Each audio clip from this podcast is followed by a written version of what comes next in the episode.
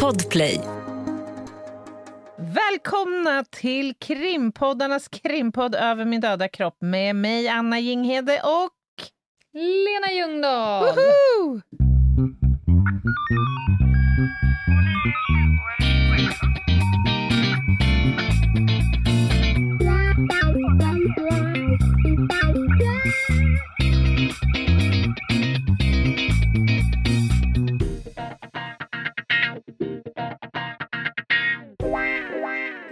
Jag, försöker titta på dig och läsa in liksom status. Ja, det kan du inte. Nej, du Jag är, är som en kameleont. Nej, Anna Jinghede, du är som en öppen bok. Nej, Jo, det, det är du faktiskt. Men jag tycker du ser ut att vara vid god vigör. ja, du ser, jag är en kameleont. Skedet bedrar. Jag har precis sopat i mig ett glas med Treo och två raska eh, kaffekoppar. Ja, men bra. Ety Det. mitt huvud är på väg att eh, avskiljas från min knopp. Nej, Ja. från min kropp alltså. Frå- Har vi några reflektioner på veckans spaning som Daniel och Meta drog in? När eh, katten är borta dansar råttorna lambada, som det, Ja. som det heter. Just det, det där gav mig också lite huvudvärk. Mm. Eh, veckans spaning. Det var en, en utmaning för Anna Jinghede att ta sig över detta. Att bjussa på de, de mesta lågvattenmärkena, så att säga. Ja, vi framstod ju inte som, eh, så att säga... Vi har framstått som smartare. Ja, och du framstår också som en väldigt, väldigt snorig människa. Just det. Just det. Jag är det vårt största problem? Din, din, din slemproduktion? med, med min slemproduktion. Nej, men det kan vara ett av våra största problem. Det här är ju faktiskt, om man ska hårdra ett arbetsmiljöproblem för dig, Lena Ljungdahl. Har du skrivit en sån här tillbudsanmälan? Lisa.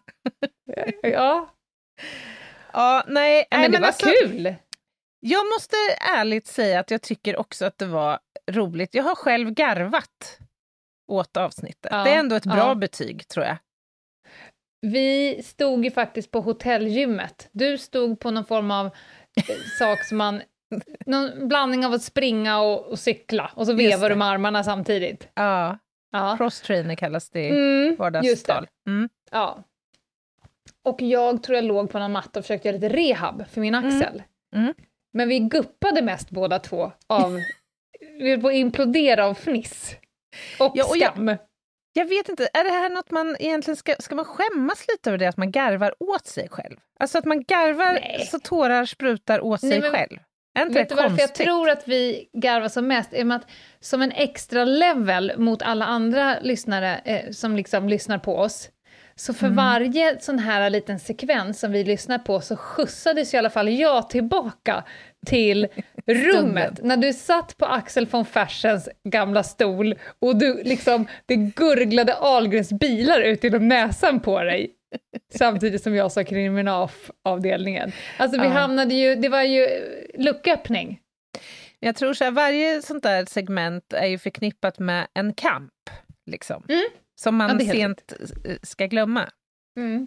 Ja, och samtidigt så är det roligt med lite en, en his- historisk liksom, exposé, en tillbakablick. Det, man Mm. får ju verkligen klart för sig att fasen, vi har verkligen kämpat stundtals för att få ut podden.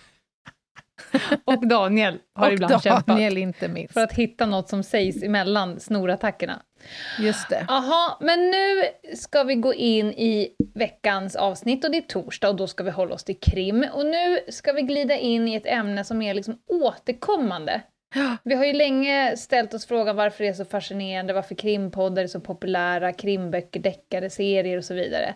Och vi får ofta, ofta väldigt mycket frågor, så att nu skickade vi ut eh, den här veckan, också för att vi har väldigt lite tid just nu. Så vi genade i kurvan, vi la ut en fråga, eller vår admin la ut en fråga i den här Facebookgruppen som heter Över min döda kropp, eftersnack och diskussioner. Öfer min döda Ö- kropp. Öfer! Exakt, exakt så. Typ, vad Ja. har vi på frågor om krim och fiktion? Mm. Och frågor, de kom. Ja, som alltid. De är pålitliga, våra lyssnare. Men, får jag göra en liten reflektion? Aha. Ja, jag var inne och tittade igår och skulle liksom sammanställa och se vad har vi, vad har vi att, att liksom jobba med i, Mm, mm. ikväll då när vi, ska, när vi ska dra in det här avsnittet. Och jag scrollade och jag hittade, det var, det var likmask och det var obduktion och det var eh, CSI och det var lite utredning och journalist. När jag hade sammanfattat 85 kommentarer, det vill säga när jag kom till slutet på, på sidan, Ja. så reflekterade jag att det finns exakt noll frågor om spaning. Ja, men det är oerhört förvånande. Tänkte du på det? Ja, nej, inte först. Du upplyste mig om det. Jag hade Ja. inte tänkt på det när jag sammanställde frågorna. Men det är ju, det är ju märkligt. Ja, det, det är är väl väldigt märkligt. Ja, Och det kan betyda lite ol- det kan vara ett symptom på lite olika saker. Jag har några förslag här. Ja, just det. Ja. Och, och det man är mest kanske orolig för det är att folk överhuvudtaget inte reflekterar över att spaning på film eventuellt inte skildrar verkligheten. Exakt. Det är ett av mina så här, ah, de bara har, har liksom som en fågelunge gapat upp och sen har tryck, så kan man trycka ner vad som helst och de tänker så här, ja, det är väl så där det går till. Men, men är inte Antingen det bra det- då? I så fall. Har, är inte det i så fall bra? Har inte manusförfattaren lyckats jävligt bra i så fall? Eh, Det får man väl lov att säga ett gott betyg. Att, att de helt enkelt köper exakt så som det är beskrivet. Ja. Men det är ju inte ett jättebra betyg på våra lyssnare. När jag i cirka 185 avsnitt har försökt beskriva vad spaning egentligen är. Så, att- men det, det är en tänkbar, så här, men vi, den är lite för deppig så jag orkar inte tro att det är så. Nej, nej. Sen har vi en annan lösning och det är kanske att jag har varit så jävla pedagogisk och tydlig i den här podden så att de har inga frågor kvar. Så måste det vara. Ja, men det är också roligt eftersom jag har ju berättat för 2% av så. Det kan vara den delen. Eller så tycker de att spaning är ganska ointressant, men den tror jag ju inte på riktigt, för det är ju Nej. världens roligaste. Ja, Men, mm, mm. men så kom det en fråga, den 86 just det. Kommentaren. Och den kom ju efter att vi hade konstaterat det här, och den kom ju också från en av våra admin. Vi kan, om, du, om du tänker att Rainman parar sig med någon jävligt adaptiv person, Just det. 100% säkerhet så har ju Charlotte sett att ja, det var bara 85, ingen spaning. Jag krystar fram en på slutet. Ja, ja. Och den är också lite huvud på spiken. Så jag tar den på en gång, så har vi dassat av allting som har med spaning att göra idag, eftersom det inte kom några fler frågor. Så lutar jag mig bara tillbaka sen till vi ska prata rövhatt. Nej, Ja. men hon sa så här, kan spaning överhuvudtaget i fiktion göras realistisk utan att avslöja hemliga saker? Är det liksom i sakens natur att Mm. Folk inte vet hur de ska porträttera spaning, alltså folk som är regissörer, manusförfattare, producenter. Just De det. vet inte hur de ska, eller hur de ska liksom gestalta spaning av den enkla anledningen att spaning är en hemlig sak och därför vet de inte egentligen hur det är. Och det är ju rätt så bra. Mm. Ja, Det, det är en intressant tanke faktiskt. Att det skulle kunna vara så. Och också, hon hade liksom en följdfråga, är det inte också rikt, rätt gynnsamt för spanare att folk tror att spaning går till sådär? Att det sitter Jo. två dudes med en kopp kaffe och en donut i framsätet, lite nersjunkna på en platt röv. Objektet kommer ut, sätter sig i sin bil, som står två bilar framför spaningsbilen. Objektet åker iväg, spanarna tänder upp sina lysen en sekund efter och åker efter. Det är ju rätt, och, och så har de just tonade rutor och tolvantenner på taket. Det är ju rätt gynnsamt om våra lyssnare tror att det är så, men det är också Verkligen. rätt deppigt. Då har jag inte riktigt nått fram. Nej, eh, nej, det har du ju inte gjort. Nej, men det finns ju många exempel på dåligt gestaltad spaning. Alltså ett annat som jag tänker, det är de här... Det, det kan ofta i och för sig börja en bil, men sen så rör sig objektet eh, till fots. Och då kan Mm. de inte följa efter i bil, utan båda slänger sig ur bilen och så springer de, du vet, de tar sikte på två buskar. Först Mm. springer de fort som tusan till den ena busken. Ja. Så stannar de upp, gör en liten mittkik, kollar vart tog Ja. objektet? Springer till nästa, fort som fan.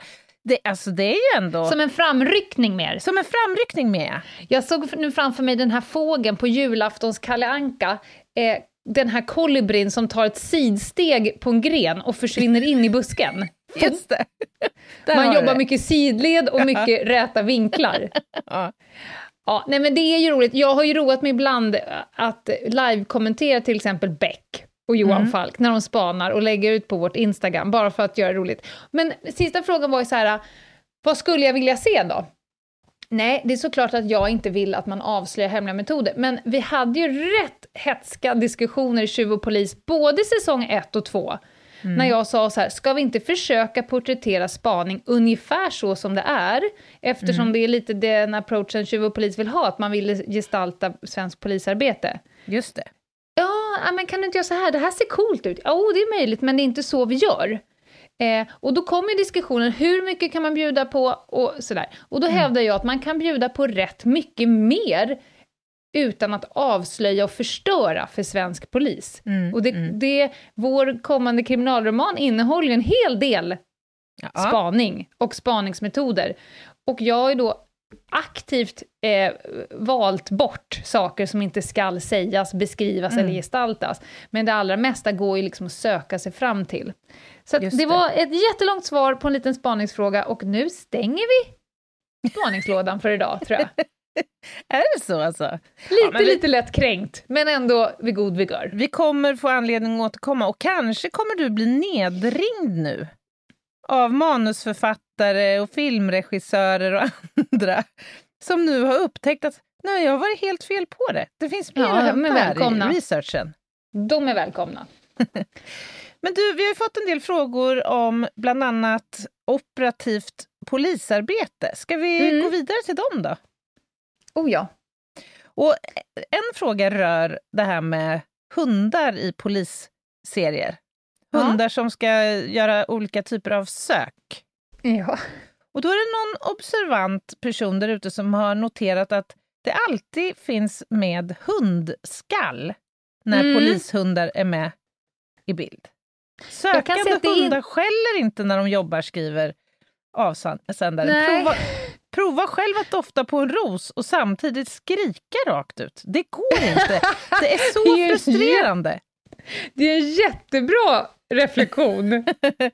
Ja, men kan det vara så? Jag tänker att det finns flera möjliga eh, svar här. Mm. Dels så tänker jag att, att man kanske vill ha skall för att det på något sätt förstärker situationen och särskilt om det är flera hundar som har samlats på en plats och ska jobba och innan de har klivit in i tjänstemode så kan det mycket väl vara skall. De kanske inte liksom ännu är i in action om man säger så. Mm. Det andra är ju att de faktiskt skäller för att markera om de har funnit någonting. Många av dem. Mm. Men också skulle jag vilja säga, jag har reflekterat på det sen jag skaffade Doris. Och Doris säger till när hon hör hundskall. När, framförallt om hon, om hon är i sitt hem och det är någon i hemmet som hon behöver tala om så här, hörni, hörni, Homo sapiens, jag hör hund. Mm. Och sen jag då skaffade Doris har jag själv reflekterat över hur jävla ofta det läggs faktiskt på Aha. hundskall. Och nu pratar jag inte bara när polishundar, utan jag har nu reflekterat hur mycket hundskallsljud som läggs på så fort det ska vara lite spännande. Alltså det behöver inte alls vara på en krimserie. Nej. Det är extremt mycket hundskall i, i Mhm. tv-serier och filmer och så vidare. Så, och då tror jag att det är liksom en ljudmatta, en, en ingrediens i ljudupplevelsen som man klipper in. För att hon som har skrivit frågan har ju helt rätt. Det är ju väldigt sällan en, en polishund springer runt i skogen och skäller. Det är mer ett Mm, så låter de. vi jobbar ihop med en hund som är så otroligt pepp när hon ska få jobba. Taggad. Hon är Ja. så taggad så alltså, att det kan nästan slå över och bli ett problem ibland. Mm. Och hon sniffar fem meter och sen skäller hon. Och så sniffar hon fem Mm. meter och så skäller hon. Liksom i sitt, sin upphetsning. Jag fattar. Du tänker att hon är som en, någon, sån här uh, musa för uh, manus. eh, Just det. Det kan, det Ja, kan nog jag vet väl en vara. hund som skällde. Vi tar den! I varje scen. ja, nej men Ja. det är så olika det där. Ja, det är det. Och Ja. det är, är frustrerande.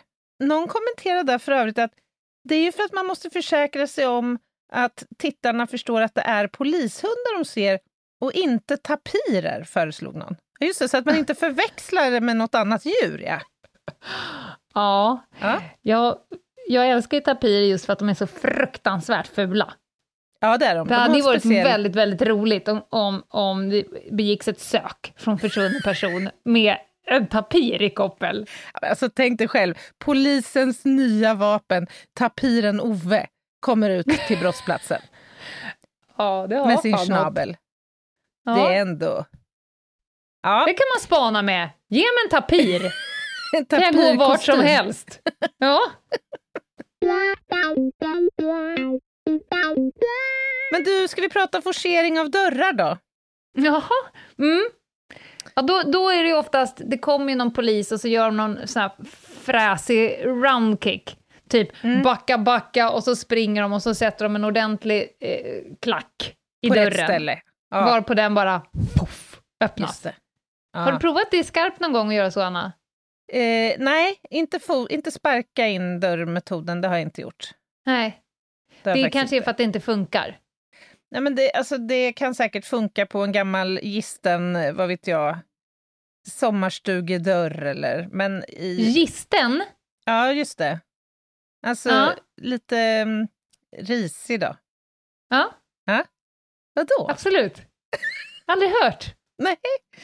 Nej, men, nej men, och det här är väl också en sån här grej som man ofta vill ha med i såna här serier för att det är lite, det är lite coolt och det är lite actionfyllt och det smäller och brakar och helst ska man ju skrika då medan man forcerar dörren. Mm, Polis, mm, polis mm, mm. och sådär. Mm. Alltså generellt i verkligheten kan man väl säga att det används ungefär tre metoder. Det ena är att det kommer någon med en så kallad bonk, eller force, forceringsverktyg, som man Mm. liksom slår upp dörren. Det andra är ju att man helt enkelt ringer en låsmed som kommer och står på knä och säger frrt, frrt, frrt, frrt, och sen får man en rosa kvitto som säger här kostar 8 miljarder kronor, tack så mycket. Mm. Och det, det sista är väl att man helt enkelt lurar sig in eller väntar på en så klassisk utgång. Men det är väldigt sällan, eh, jag skulle säga noll gånger har jag sett en polis eh, bara kicka upp en ytterdörr. Det skulle bli jätteont i foten och polisen skulle Ja. komma farande tillbaka igen, så att säga. Mm, Jag har aldrig sett det skarpt. Däremot så har jag sett mer eller mindre invasiva metoder så att säga. Mm, ja. ja. Du nämnde bonken och kilen, men det finns ju lite andra sätt. Man kan Mm. dra ut en dörr eller forcera Ja. med lite större tingestar och så. Man kan ju helt enkelt gå in ovanför dörren, bredvid dörren eller ta bort hela väggen. Det beror på hur gärna man vill in. Ja, Men vi och- kan väl konstatera till den här frågan att vi, nej, svaret är nej. Vi kickar inte så ofta upp dörrarna.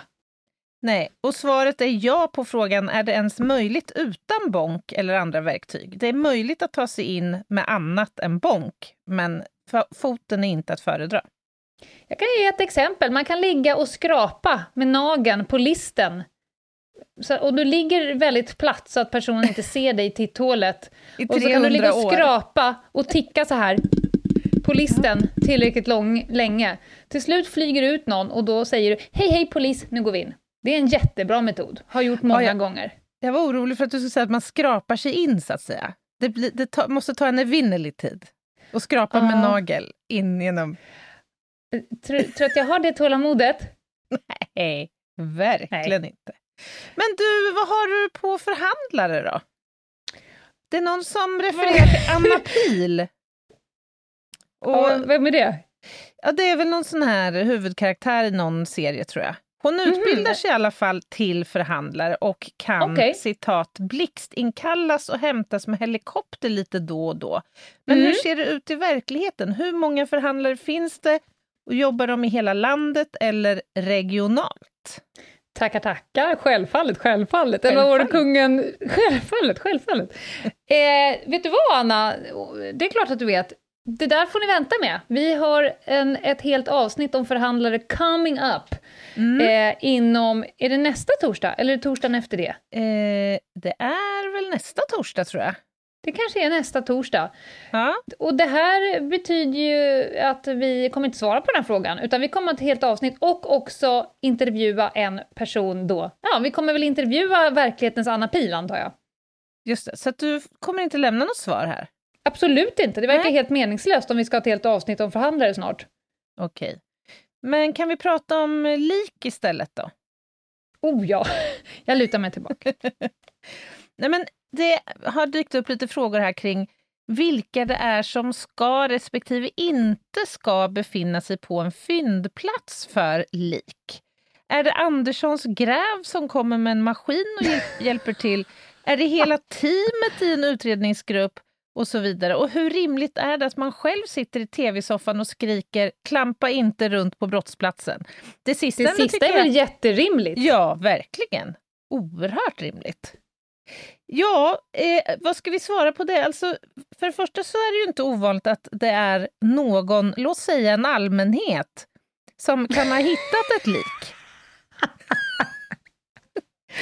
en allmänhet, ja. ja. Och då är det ju faktiskt så att denna allmänhet kommer ju att befinna sig på, eller i, i alla fall i nära anslutning till fyndplatsen då när den här första patrullen kommer ut till platsen som det ju brukar vara en. Mm. Eh, så att de får man väl liksom ha lite överseende med. Är det fråga om möj möjligheten till livräddande insatser, ja då kommer ju sannolikt sjukvården vara på den här platsen och kan ju då konstatera att nej, här är det nog ingen idé att vi liksom påbörjar någon sjuk, aktiv sjukvård, utan man liksom backar ut från platsen. Men förenklat så är det så här, är det fråga om en fyndplats där det ligger en avliden som man tror kan ha mördats eller har utsatts för brott, så kommer ju CSI att kallas in. Mm. Och CSI kommer då att, så att säga, äga platsen. Den är avspärrad för en brottsplatsundersökning och då bestämmer också kriminalteknikerna vilka som får beträda platsen. Mm. Och det här har vi pratat om i flera avsnitt tidigare. Att ja. vi vill ju inte ha någon in på platsen. Nej, och, och då är det inte som på film att det finns en kommissarie i trenchcoat som är liksom eh, above and beyond allting, som kommer infladdrande i någon Porsche, lyfter på avspärrningsbanden med en penna Just och sen det. klampar fram till eh, kroppen. För då kommer Anna Jinghede ta personen i nackskinn och byxarsle och kasta ut igen. Mm. Det kommer inte att ske på mina man, brottsplatser. Man, man pilar lite av så här. Mm. Mm, var vill du att jag ska stå någonstans? Ja, precis så. Däremot så händer det ju att eh, en utredare ringer och säger så här, det skulle vara av jättestor vikt för mig eller för oss att få komma ut till platsen och se hur den ser ut inför att vi ska hålla förhör. Till exempel. Exakt. Och då brukar jag svara så här, men det går alldeles utmärkt när vi är klara med i alla fall huvuddelen av vår undersökning och vi bedömer att det är riskfritt att, så att säga, beträda den utan risken att förstöra eller tillföra nya spår. Bra svar, Anna. Sen tackar, kommer en tackar. fråga här som jag... Ursäkta? Ja, tackar, tackar. Ja. En, en feedback till dig. Bara, i all enkelhet. Ja, det lät mer som en, en tupp som kluckade lite, så jag tänkte att nu I'm losing ja. her, I'm losing her. Just det, det var precis mm. som, som det ska vara. Eh, nej men här ser jag en fråga som jag tycker är rolig. I alla serier lämnar ju mördaren en signatur på brottsplatsen. Och nu mm. har jag ju genomlidit Kastanjemannen. Just det. Skitserien där de gör alla fel hela tiden. Kanske inte alla upplever som, som skitserie. Men, där men du är tog det liksom, dig igenom den, trots allt. Jag tog mig igenom den, mest för att det var jävligt snyggt foto och bra musik och en hel del bra skådespeleri.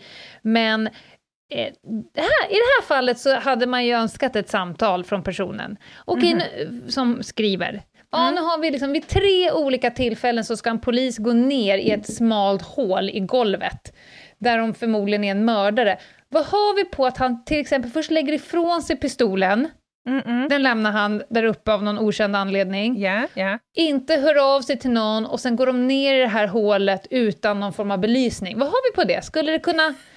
För vi tänkte jag så i Kastanjemannen. Nej, hade ju någon sagt då. Förslagsvis inte. Men frågan var ju här om mördaren lämnar en signatur. Mm. Är det hur vanligt är det i verkligheten? Ja, men alltså, för det första, vad har vi på det här med signaturer i filmen och fiktionens värld? Om du blickar tillbaka till vad du har inmundigat i ja. fiktion. Jag mm. tänker direkt på till exempel när lammen tystnar.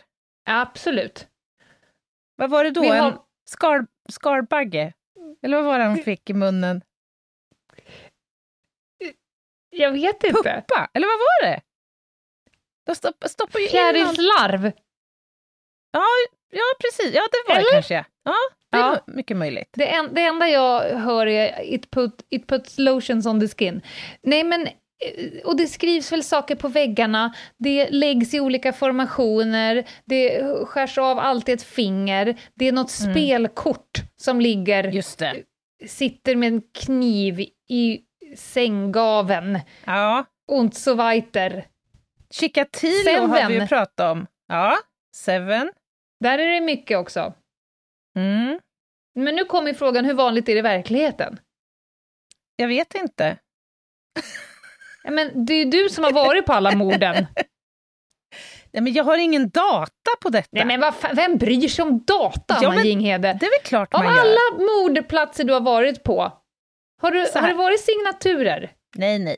Alltså så här, Nej. jag tror, för det första så tror jag att många kanske blandar ihop eh, en persons modus op operandi. Mm, Och tillvägagångssätt. Ja, Mm. för ett eh, MO då, det finns ju liksom alltid. Medan en signatur finns egentligen ganska sällan, skulle jag säga. I alla fall de platser och de mord som, som jag har jobbat med. Och Mm. signaturen används ju ofta för liksom förövarens känslomässiga och liksom psykologiska behov. Att göra någonting med kroppen, eller ta Mm. med sig en trofé, eller lämna ett Mm. meddelande. Men det är ju samtidigt att utsätta sig för en risk. För vad innebär det om vi nu skulle hitta en signatur som återkommer på flera platser? Jo, det innebär att vi har en möjlighet att länka mord till varandra. Det kan ju också vara så att den här signaturen man har valt, till exempel mm. Kastanjemännen. Ja, till exempel att man skriver kastanjemännen på väggen på brottsplatsen. Ja. Då har ni handskriftsprov också att jobba med. Då kan vi ta handskriftsprov, vi kanske kan samla ihop lite av det här bläcket eller tuschet i pennan. Alltså vi kan ju få i, liksom uppslag, utredningsuppslag av signaturen. Jag tror att det där är en filmgrej, för att det är, blir ju lite så här... Du, du säger Anna, är du beredd? Absolut. Det blir lite katt och råtta-lek. Fan. Alltså, ja jag vet du hatar det, men alltså där, på film är det ju ballt att gärningspersonen liksom leker med polisen. Mm. Och, och ett vanligt mord, om det inte finns någonting, en städad brottsplats, finns ingenting att gå på, ganska tråkigt att titta på, tänker jag. Mm. Mm. Ja. Det håller jag med om. Mm. Men inte så vanligt, för att gärningspersonen i verkligheten vill ju generellt inte åka fast. Så de försöker ju liksom manipulera brottsplatsen så lite som de bara kan för att du ska ha så lite att jobba med och gå på som bara möjligt. Ja, men så är det. Och om man nu har ett uppdämt liksom, psykologiskt behov av att lämna en signatur, Mm. eh, kommer du ihåg Chikatilo till exempel? Mm. Som petade ut ögonen på sina offer. Ja. Har man börjat liksom med sin signatur i ett eh, fall, då kommer man ofta fortsätta. Det tenderar inte att anpassa sig eller ändras på så sätt som ett modus operandi gör. Nej. Bra svar, Anna. Jag har redan börjat flykta på nästa fråga. Mhm. Varför är det alltid så mörkt i obduktionssalar och laboratorium på film? Alla vet väl att man behöver bra ljus för att se vad man håller på med när man undersöker en kropp eller något annat. Ja, men det där är ju intressant, för det är det ju Jaha. ofta. Men det, måste, det enkla svaret måste väl ändå vara att, för att höja liksom, mystiken. Är det inte därför? Det, en, en obduktionssal och ett bårhus är ju, är ju läbbigare i mörker än i operationsbelysning. Ja, det är såklart att det är därför. Ja. Och så lägger du på ett litet hundskall utanför. Och det är alltid en typ av hundskall, det är inte så här... Nej, nej utan just det är det. ju... Jag skulle vilja säga att det är, det är ett klassiskt brukshundskall. är det inte det? Vi, vi pratar 36 kilo schäfer. Just det. Men Rätt upp och det här ner med- bara. Ja, apropå det här med ljus i eh, obduktionsmiljö så kan jag bara nämna det som en liten passus. Jag har ju varit runt till ett antal såna här platser i identifieringssammanhang och så. Och det har många gång slagit mig att någon jättebra belysning för orala undersökningar finns inte. Jag tycker alltid det är mörkt i de här salarna, men jag tror att jämför man med det som illustreras på tv och film och så, så är det ljust. Mhm. Ja, du vill ha en sån där lampa med två handtag på sidorna som, Ja. som, som tandläkaren drar ner och sen Just så det. lyckas de alltid göra den i en vinkel så att man får 3000 ljusstyrka rätt in i ochot. Och så säger de alltid oj förlåt, förlåt, förlåt, och så viker de ner den. Typ är det en grej jag. ni gör för att jävlas? Ja, det kan ha ibland en, en god effekt. Nej, är sövande effekt. Jaha, Aha. Vad säger du Lena, ska vi ta frågan om, om syra innan pausen eller?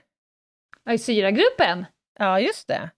Alltså om man kan lösa upp en kropp helt i syra. Va, va, va, Ja, vad säger du spontant? why not? Det beror väl på hur, för, hur stark syran är och hur lång tid man har. Alltså, först och främst så måste man förstå att människokroppen utgörs av en massa olika typer av vävnader. Mm. Bland annat en väldigt, väldigt hård vävnad som vi kallar i vardagligt tal för emalj. Mm. Men inte bara em- Tand, tand tror jag man, man kallar den i, i vardagligt tal. ja, eller dentalvävnad då. Mm, ja, ju- eller tand. Ja, jag, Jag tror, att... Anna, när det kommer till vardagligt tal, där tror jag kanske att du ska fälla in hovarna och bara krypa upp i något mörkt rum. Ja, men du diskriminerar ju dentinet och pulpan nu. När du säger sådär. Och parodontiet, vart tog det vägen? Det är också tanden. Fast, fast du, du, du, du liksom spände bågen och ville göra anspråk på det vardagliga talet, Anna. Och då är det inte parofjont och filifit, utan då är det tand. Möjligtvis bissing. Stalaktit, sa du det? Pallodont eller vad du sa. Du kan Ja, okej. jävligt mycket, Anna, men inte vardagligt tal. Nej, okej, okej. Jag, jag Mm. köper det. Jag gillar läget. Ja. Nej, men Mm. Har du sett Breaking Bad? Nej. Nej. Det handlar i alla fall om en, jag tror faktiskt han till och med var kemilärare, som Mhm. ger sig in i metamfetaminbranschen. Och han, Mm. Jag kan Mm. ha sett ett avsnitt. Bor han i en husbil? just det. Okej, jag har sett ett avsnitt. Ja. Och vid något tillfälle så försöker han då med hjälp av fluorvätesyra att eh, lösa upp en kropp i ett Ja. badkar. Mm. Och Det som händer är att han löser upp inte bara delar av kroppen utan även badkaret och golvet och Mhm. mycket annat så att säga Mm. som, som fluorvätesyran tar med sig i farten. Och det där illustrerar ganska väl hur otympligt det är att faktiskt lösa upp en kropp i syra. För att för det första så är de här syrorna farliga även för förövaren själv. Mm. Så att om du andas in det här utan ordentligt andningsskydd och allt det här, då kommer det där ta sig ut i blodbanan och uppfattas i kroppen som ett gift och du kommer till och med kunna dö på kuppen. Så att du behöver ha då en syra eller en bas som dels funkar på alla vävnader i kroppen, som dels är anpassad till omgivningstemperaturen, till det kärl som kroppen eventuellt ligger Om den ligger i vatten till exempel så kommer det liksom ha påverkan. Och själva kärlet i sig måste ju också liksom vara i synk med själva preparatet du då väljer. Alltså kort Mm. och gott, det är inte så praktiskt det här. Och jag tror att de allra flesta tänker så här att en stark syra måste ju vara grejen. Det är ju också då starkt frätande. Mm. Och starka syror är eh, i regel starkt frätande, men inte så frätande som man kanske då behöver i en sån här situation. Ja, alltså, I en sån här situation, att man ska få en kropp att försvinna bara. just det. Det, Just är- det. det är det som vi i syragruppen är lite bra på. Vi kan Ja. det här med kärl, Mm, just det. Det, syra lite, och kropp. Det är lite av ett expertområde. Alltså, syror med extremt låga pH till exempel, Mm. det funkar väldigt bra på ben och tänder, men väldigt dåligt på naglar och på hår. Så Mm. istället så skulle jag rekommendera, alltså du vet när du står hemma och exfolierar dig, Oh ja.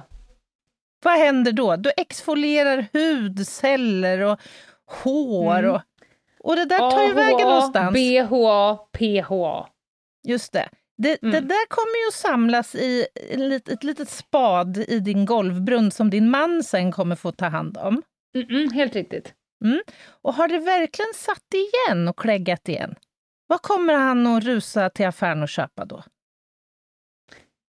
Kaustiksoda. Just det! Natriumhydroxid, Lena Ljungdahl. Ja. Nu är vi inne på baser och pratar. Mm. Det är grejen, skulle jag vilja hävda. Man lägger kroppen i en basisk syra. Ja, alltså så här, du kan få delarna på kroppen absolut att lösas upp med syra, men vissa delar funkar inte så bra med syra, utan kanske bättre med en stark bas helt enkelt. Mm. Man jobbar kanske först lite med den ena, sen lite med den andra. Ja, men du, Ljungdahl, när jag funderar på det här så, så har jag tänkt så här, vore det, inte, vore det inte spännande att testa det här vid något tillfälle?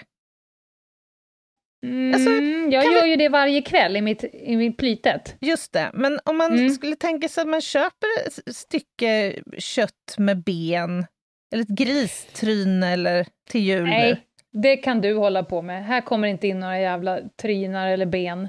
Okej, okay, jag får väl göra en lutblandning själv hemma och testa om det vara så kinkigt. ja, filma gärna! Jaha, och nu, vad händer nu Lena? Är det paus nu?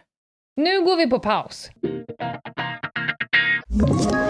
Ett poddtips från Podplay. I podden Något Kaiko garanterar östgötarna Brutti och jag, Davva, dig en stor dos skratt.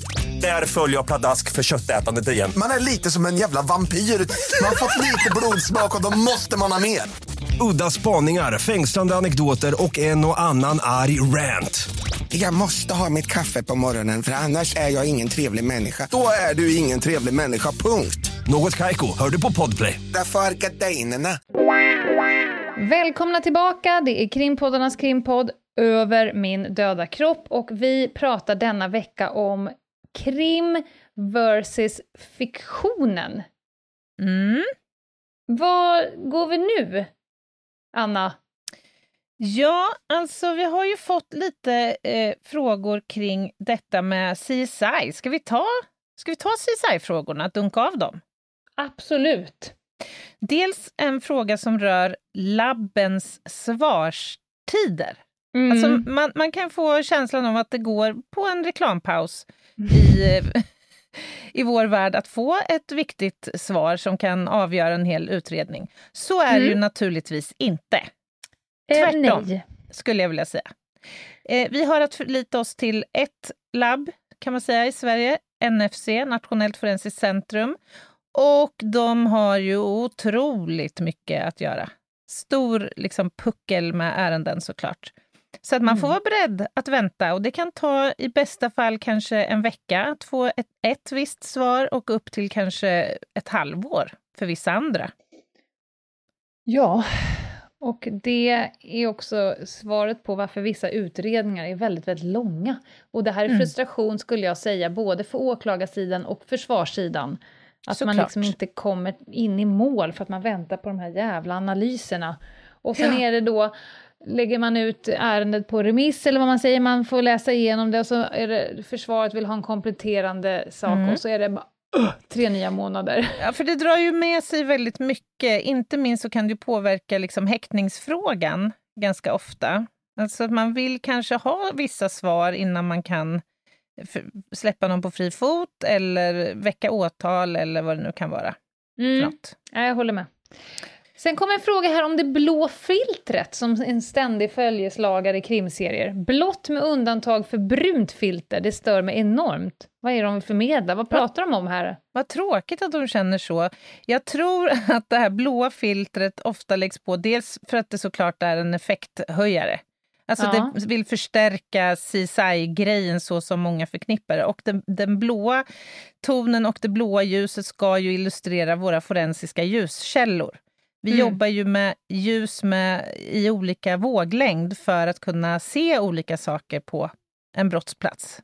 Varav oftast det blåa filtret för att kunna se kroppsvätskor till exempel.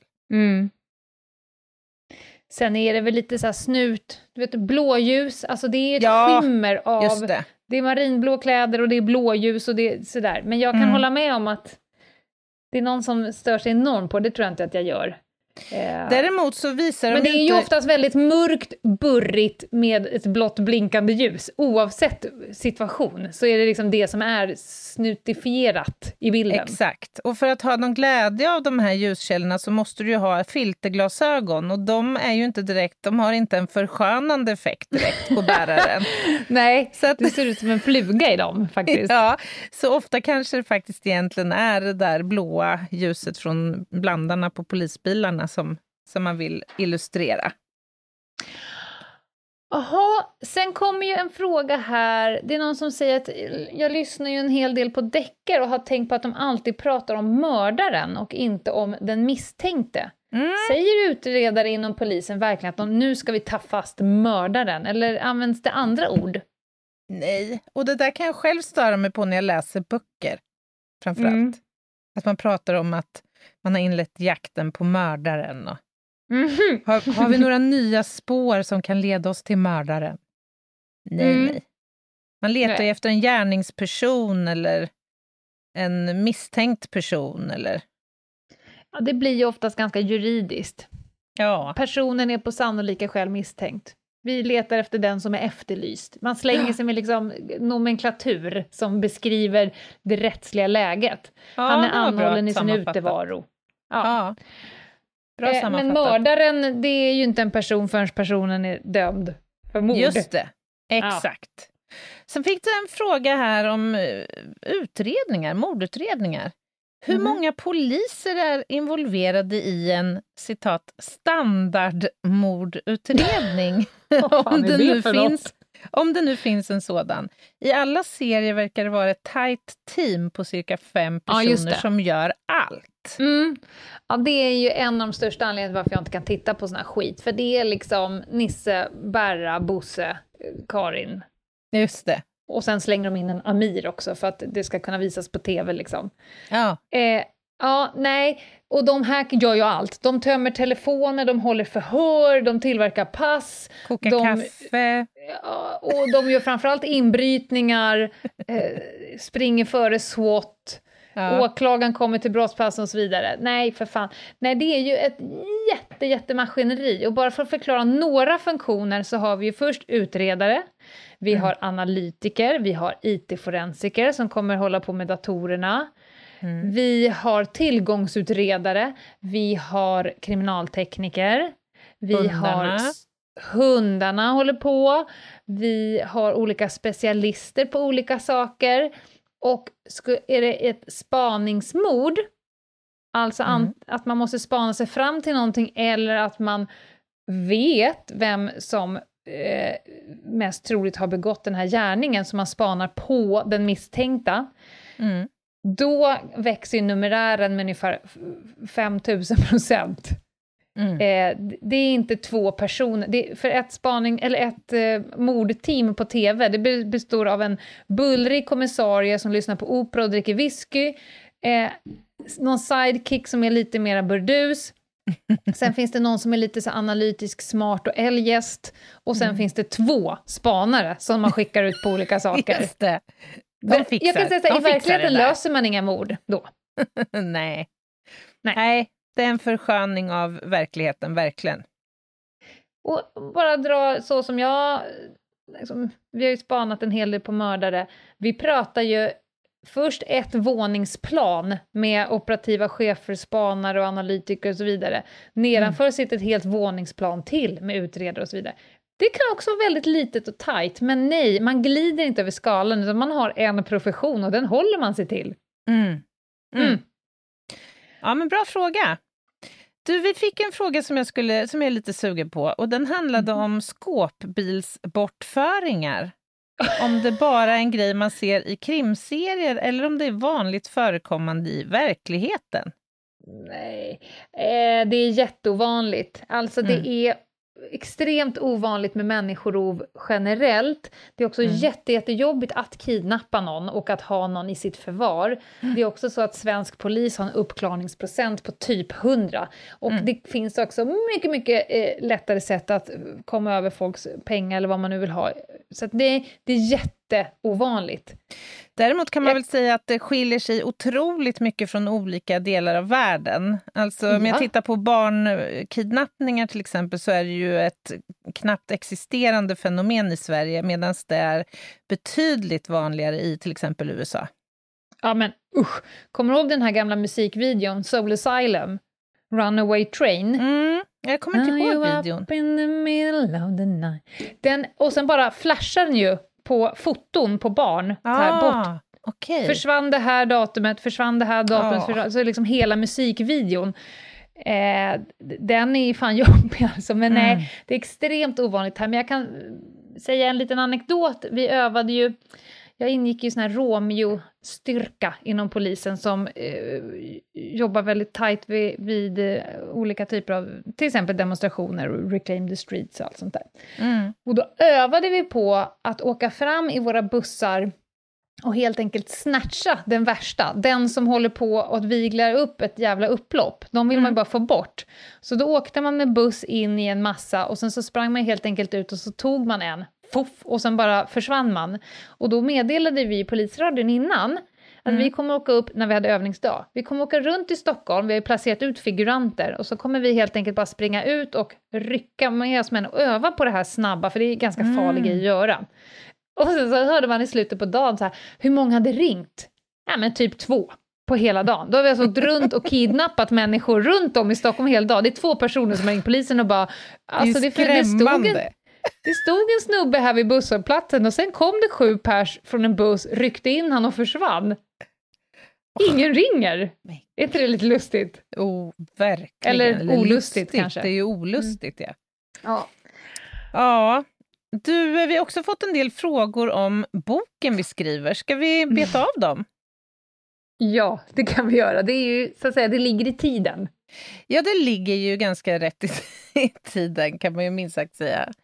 Ehm, en fråga vi har fått är, eh, berör det här hur, det- hur man gör när man skriver två stycken på en bok. Vem fan vet, den får fråga någon som kan. Ja. ja.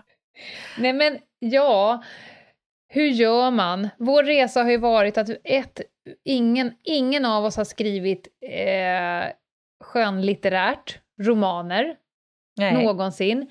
Vi har skrivit väldigt mycket båda två, vi skriver på extremt olika sätt. Vi är också tyvärr rätt indoktrinerade i att skriva juridiska, vetenskapliga liksom, saker som ska hålla i, i rättsprocesser och som många människor ska förstå och sådär, vilket är Mm.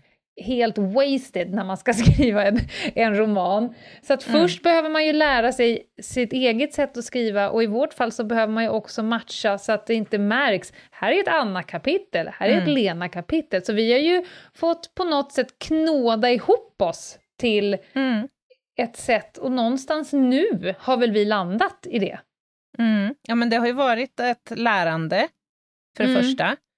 Eh, att lära sig att skriva sakprosa, men också lära sig att ja, men få synk, som du nämnde. Sen har ju också stött på vissa praktiska utmaningar. Alltså, det är ju ganska tacksamt om man bor nära varandra och kan ses liksom lätt en, en helg eller tre timmar på onsdag kväll. Men det har inte riktigt funkat för oss, så vi har ju fått löst ganska mycket på telefon, Facetime och med ett gemensamt dokument som vi skriver i, som ligger online. Och sen har vi enkelt. våra skrivhelger som ni så snällt eh, bidrar Sponsrar. till.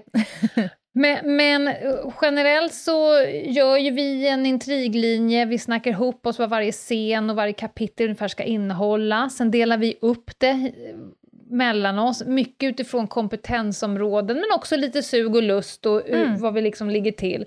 Och sen så skriver vi, vi lägger in det i vårt gemensamma dokument, sen läser vi varandras och så kommenterar vi. Och då är vi ganska så här hårda eller vad man säger, för det är ju så att om Anna inte fattar vad jag menar, då finns det väldigt många fler som inte kommer fatta. Så Mm. hon har försökt liksom klä sig i Hon bara, egentligen tror jag att jag fattar, men det gör jag nog bara för att jag också är snut. Mm. Så att vi har, du vet, skrivit kommentarer till varandra och sen går man in och ändrar, släcker dem och så jobbar vi vidare. Och så där har vi liksom masserat. Ja, men- Och sen så då och då så skickar vi till vår förläggare och så får vi då tillbaka att gör om.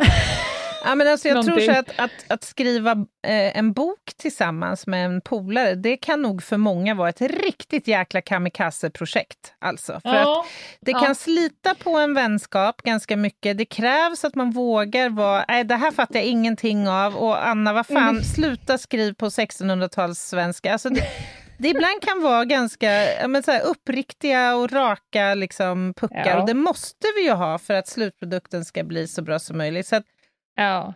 det sliter men så- ibland, men det är kul också, ska vi säga. Ja, men jag, jag fick frågan, eh, så men hur fan är det att skriva med Anna? Ni är så himla olika. Sa, men det finns jättemånga utmaningar i det här, för att vi ser olika, vi tänker olika, eh, vi har olika kunskapsområden, vi bor i olika städer, eh, vi har olika mycket tid att lägga på projektet och så vidare. Men, så sa jag, det finns så himla mycket mer saker i den positiva vågskålen.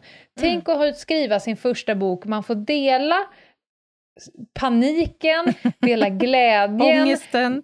ångesten, nej men att vi är två om det, när Mm. jag tycker lite tungt så växlar du upp alltså och så vidare. Så att det positiva har verkligen övervägt Mm. alla de eh, svårigheter. Och bok två kommer ju för fan vara som att vi ska föda barn 15, det kommer ju bara Ja. Det kommer vara mycket enklare på Extremt många mycket. sätt. Verkligen. Mm. Och så är det någon som undrar om vi kan berätta lite grann om vilken typ av innehåll som har fått stryka på foten i boken. ja.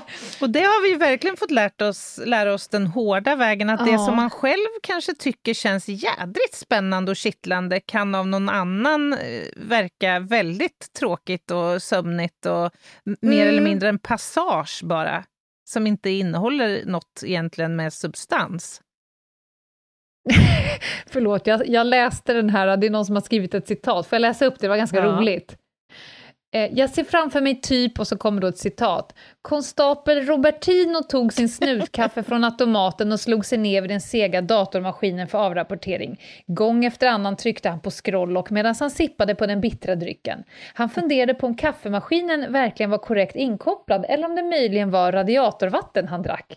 Jätterolig fråga. Jag hade nog, det där är en keeper i min bok alltså. Jo, ja, exakt. Nej men så här är det. jag och Anna har ju, vi spände ju bågen och bara, vår bok ska fan i mig inte ha några faktafel. Det, det kommer inte kliva ner några poliser i, i hål i marken och lägga pistolen ovanför för att det är helt jävla orimligt. Och våran förläggare har du vet lagt huvudet på sned och bara ja ah, men jag hör vad ni säger men det måste ändå vara spännande. Ni kan inte beskriva hur tråkigt det kan vara på span i två månader när gubbjäveln inte kommer ut ur porten. Precis. Ni måste helt enkelt komprimera, gena och så vidare. Men jag tror att vi faktiskt någonstans nu Mm. har förstått den här grejen med författarens privilegium. Mm. Mm. Eh, att nej, det kanske inte har hänt, men vi har kommit till det här, så som vi beskriver det nu, skulle det kunna hända? Mm. Och om svaret är ja, ja, då bestämmer vi att då är det det som händer. Mm. Eh, för att både du och jag har upplevt, och det har vi fått påminna oss om, vi har ju båda upplevt så jävla sjuka grejer i verkligheten. Ja. Som om någon skulle pitcha dem i en bok så skulle folk säga men gud, det, är så det där är för orimligt, det är ingen Ja. som kommer tro på det. Nej men det har ju hänt! Ja. Så att vi, har, vi har faktiskt slappnat av och tillåtit oss att brodera och liksom nu, våran bok, den har ju fan extra allt. Det är som en jävla kriminalroman på steroider istället. Den har ju bara blivit en Belgian Blue. Vi bara, vi ska ha mer. Mer av allt bara. ja, den, den In med granaterna för fan. Ja, man får pang för pengen som du brukar säga, Lena, om man Mm. köper vår bok. Det tror jag man kommer uppleva. Och, och den resan eh, såg jag faktiskt inte komma. Att både du och jag... Så här, vi var betydligt mer skitnödiga i början. Så som... Ja, och odugliga också, vill Ja, jag ja. tillägga. Alltså menar jag inte skitnödig som att vi behövde gå på toaletten, utan lite så här uppsnurpta och nej men det ska vara på ett visst sätt och det ska vara korrekt och det ska vara sant och så vidare. Och sen så träffar man de här härliga författarna på Norstedt som bara sant och sant, det är skillnad på sant och sanning. Mm. Ja, okej säger man, det har fan rätt i. Och ja, Mm. Nej, men alltså, Kul är det i alla fall. Författare är ju ingenting som man bara liksom blir. Det är väldigt Nej. få som bara kan sätta sig en vacker dag och börja skriva böcker, utan det är ju ett lärande och vi har knäckt många koder skulle jag säga på den här resan. Så att, eh, ja. Får jag ta en avslutningsfråga här, för sen vet jag att vi har massa superviktig samhällsinformation och sen har jag en rövhatt. Mm. Men jag fick en fråga lite på sidan av. Just det. Eh, och det är att någon har sett en film som heter Double Jeopardy med Ashley Judd. Och här hade jag eh, förspänt, för att jag har också sett filmen. Så att ja, jag jag med, men jag kan inte placera den. Nej, nu. men då ska jag dra det. Nu blir det spoiler alert för det alla ner. För att det går egentligen ut på att det är en snubbe som sätter dit sin eh, fru för mordet på honom. Han iscensätter sin egen Mm, död och ser till mm. att hon blir det. dömd för det. Där känner jag igen, ja. Mm. Sen visar det sig att han inte dog, så han kommer ju tillbaka och hon upptäcker det. Mm. Och då inser ju hon, jag är ju redan dömd för mordet på honom, så Mm. jag kan ju inte bli dömd för mordet två gånger. Så att det Mm. är egentligen helt fritt fram för mig att döda honom, för jag är redan dömd för just det brottet. Mm. Och då kommer då frågan, funkar det så här? Eh, och då säger jag ja, och så drar jag till med det latina ne bis in idem. Och det betyder icke två gånger samma sak. Mm. Alltså, vi håller inte på med dubbel bestraffning. Så någonting som är avgjort i domstol, det har vunnit laga kraft, det får inte prövas på nytt. Och det här är liksom globalt förankrat, det står i Europakonventionen. Eh, det finns en öppning för att man kan pröva det igen om det kommer helt nya bevis eller att man inser att det är jättegrova fel. Mm. Men nej, vi håller inte på du kan bara bli dömd för en och samma gärning vid ett tillfälle. Och då är det så här, vad är det som gör att man kan göra ett nytt? Ja, men ny tid, nytt brott, Mm. nytt brottstillfälle. Alltså, om jag... Vi kan ta till exempel narkotika. Om jag står och röker en, en joint här nu och så är det någon som tar urinprov på mig och så visar det sig att jag då hade cannabis, THC, i, min, i mitt urin, min kropp. Mm. Mm. Eh, om någon kommer och eh, pissar av mig Eh, jag, alltså urinprov, det tar ju tio minuter att göra och sen går jag ut på gatan igen. Mm. Om det kommer en polis då och säger hej, hej, hej, jag tycker du ser narkotikapåverkad ut, jag kommer att ta urinprov på dig, så kan ju inte jag bli dömd två eh, Nej, det är hårt.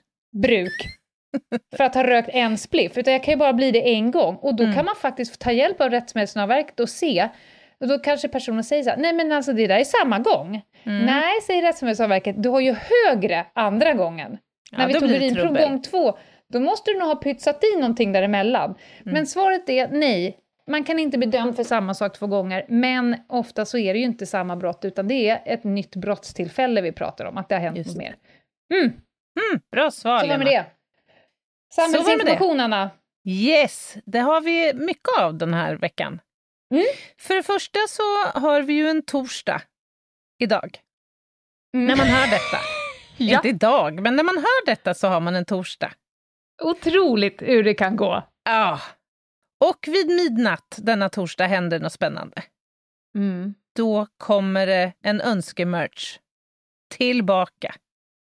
Fäll ner-merchen gör en comeback. En sista gång, kan vi väl Jaså? säga. Ja.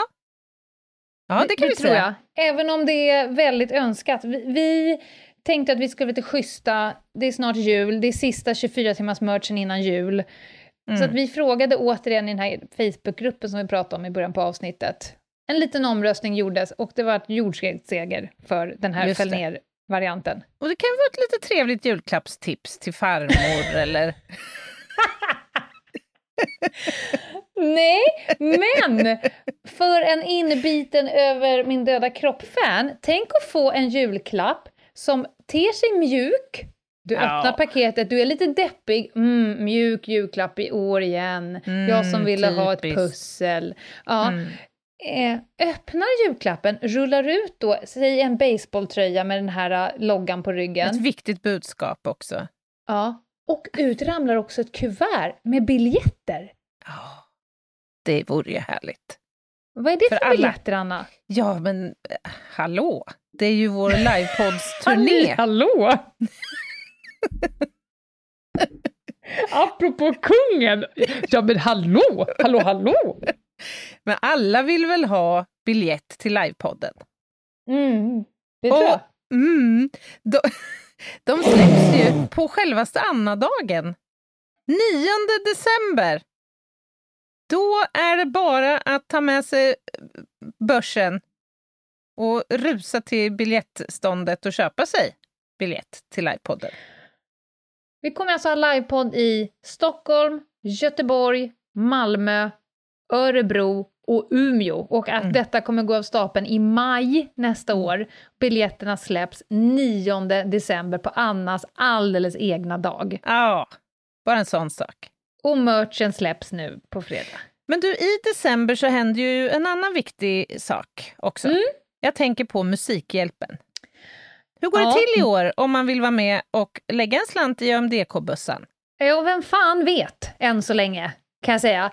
Men jag vet att arbete pågår. Det kommer att eh, väldigt, på väldigt eh, stringent sätt ty bli tydliggöras för er när det närmar sig. Men det jag kan säga att det är en sån jävla håll käften eh, vinst i potten i år från Över min döda kropp. För att vi då såklart vill dra in eh, shitload av pengar till den, det välgörande ändamålet som är i år. Barnarbete, va? är väl temat i år. Ja. Eh, I år kommer då eh, några lyckliga personer vinna att få komma eh, hit till eh, Stockholm och jag har satt ihop ett jävla dreamteam av spanare, alltså några av Sveriges bästa spanare. Bara en sån sak. Herregud. Ja, aktiva även. Mm. Och sen så har vi riggat igång en, en stor spaningsövning, så man får helt enkelt komma och ingå i ett spaningsteam och sen så kommer det utspela sig en, en rolig... Ett, ett roligt brott, ett rolig händelse som man ska få vara med och lösa som span, med radioapparater och bilar och hela faderullan i Stockholm. Ah, vad läckert. Jag hoppas det. Det Ja. kommer information eh, snart om hur ni ska göra för att ha chansen att vinna det där. ja, och allt det här som vi har pratat om nu kan ni hitta information om på vårt Instagram, Ljungdahl och Ginghede. Och om ni har frågor kring det här så går det bra att mejla också på hej och ginghede.se.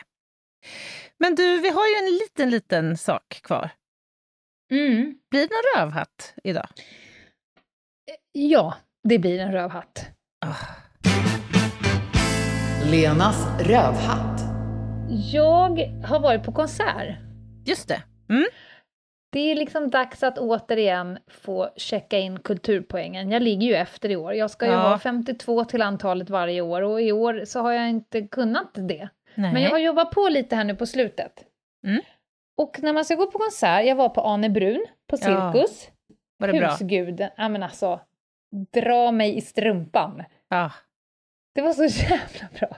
Men jag kan, jag är ju patologiskt eh, intresserad av att glo på folk. Mm. Och också smygfilma faktiskt. Men Mm. jag var ju tvungen att, att, att vara bland folk. Det var Just det priset det kostar för att få vara på en, en ball live-upplevelse med Ane Brun. Kan vi prata om människorna? Eh, Så biljetten, jag tror att vi betalade kanske 2300 spänn. Mm. Då fick vi lite mat i oss innan.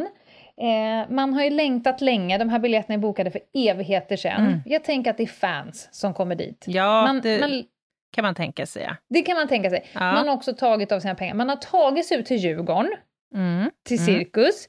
Det är inte världens lättaste plats att approchera, utan man får åka spårvagn, eller buss, taxi och så vidare. Ja. Kommer man dit, och sen så står folk och kör. Man går in, folk slår sig ner, det är totalt fullsatt och hon eh, ger en helt fantastisk show, blandar gammalt och nytt, mest nytt. Mhm. Och sen så, eh, musiken spelar, stråblamporna håller på, det är jävligt snyggt. Mm. Hon ställer sig mitt på scenen och bara säger liksom tack helt plötsligt. Mm. Hon går av scenen, Mhm. det är fortfarande becksvart i rummet.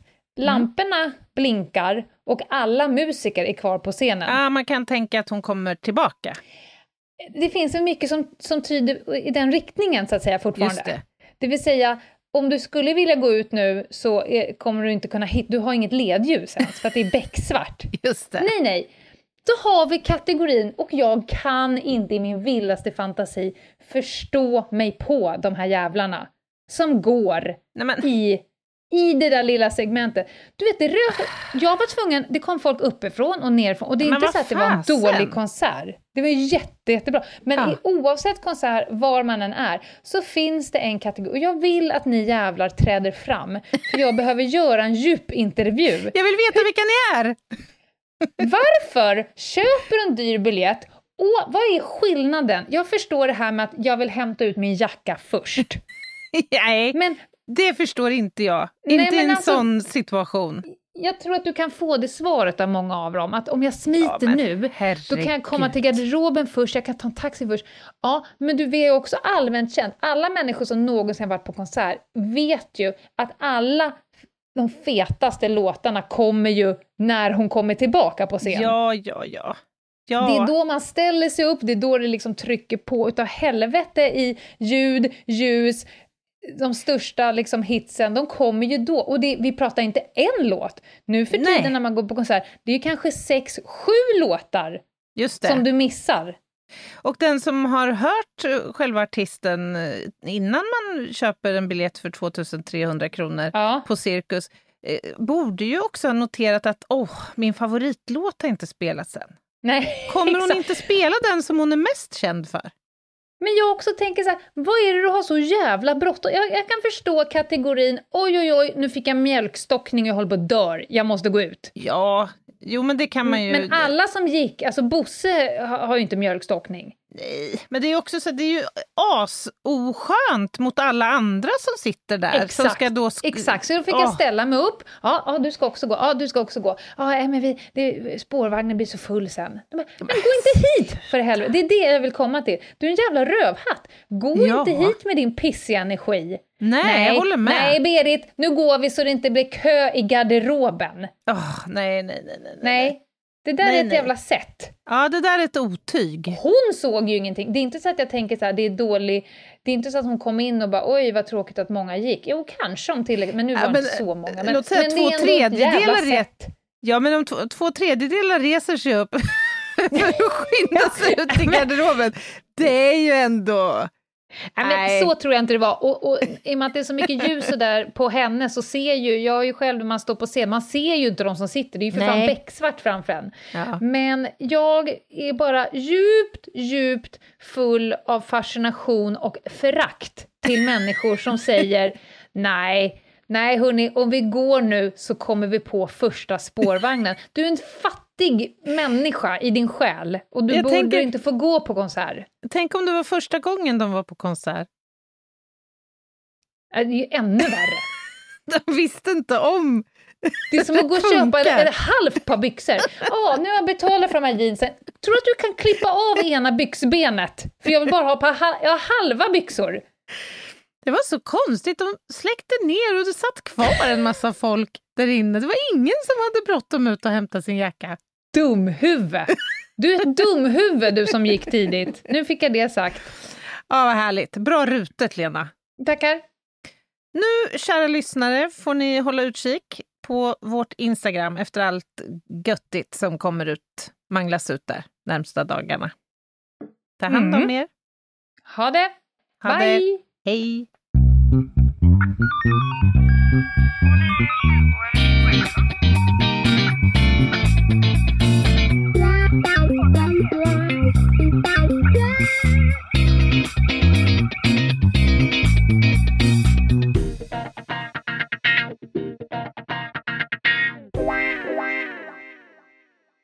Ett poddtips från Podplay. I podden Något Kaiko garanterar östgötarna Brutti och jag, Davva, dig en stor dos skratt. Där följer jag pladask för köttätandet igen. Man är lite som en jävla vampyr. Man har fått lite blodsmak och då måste man ha mer. Udda spaningar, fängslande anekdoter och en och annan arg rant. Jag måste ha mitt kaffe på morgonen för annars är jag ingen trevlig människa. Då är du ingen trevlig människa, punkt. Något Kaiko, hör du på Podplay. Därför är gardinerna.